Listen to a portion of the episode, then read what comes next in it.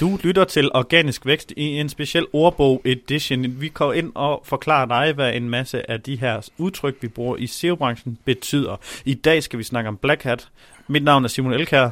Og jeg hedder Jesper Nørsgaard Jensen, og Black Hat er jo øh, de modige drenge, eller de dumme drenge, der måske øh, laver det. Black Hat SEO, det er det, som Google i allerhøjeste øh, grad fraråder. Det skal du ikke gøre. Nogle gange så virker det bare... Øh, Ekstremt godt.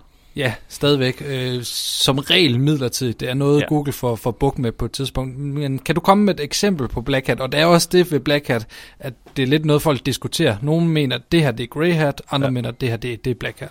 Hvis man skal komme med en helt klar definition af i hvert fald, hvad vi mener, der er definitionen på Black Hat, det betyder, når du går imod Googles retningslinjer. Og ifølge Googles retningslinjer, der skal du eksempelvis ikke arbejde med øh, at, at, at bygge øh, links op fra fiktive sider. Det betyder, at i princippet er alt linkbuilding black hat. Øh, der er så bare nogen, der går ind og, og deler linkbuilding op i, hvad er ikke black hat og hvad er black hat. Eksempelvis, hvis du går ud og laver almen promovering af din side, hvilket du godt må i Googles øjne, jamen så er det ikke nødvendigvis black hat, fordi det er bare øh, at promote dit content. Black Hat stammer fra hacking, hvor at øh, der er Black Hat øh, hacker og White Hat hacker, hvor de Black Hat hacker, det er dem, der gør noget, øh, som er ondsindet øh, af natur, og White Hat, det er godsindet og prøver på at modkæmpe det.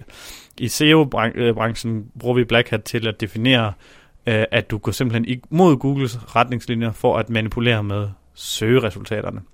Igen, det er en øh, typisk en kortsigtet løsning, da du har diverse algoritmer, der arbejder imod dig.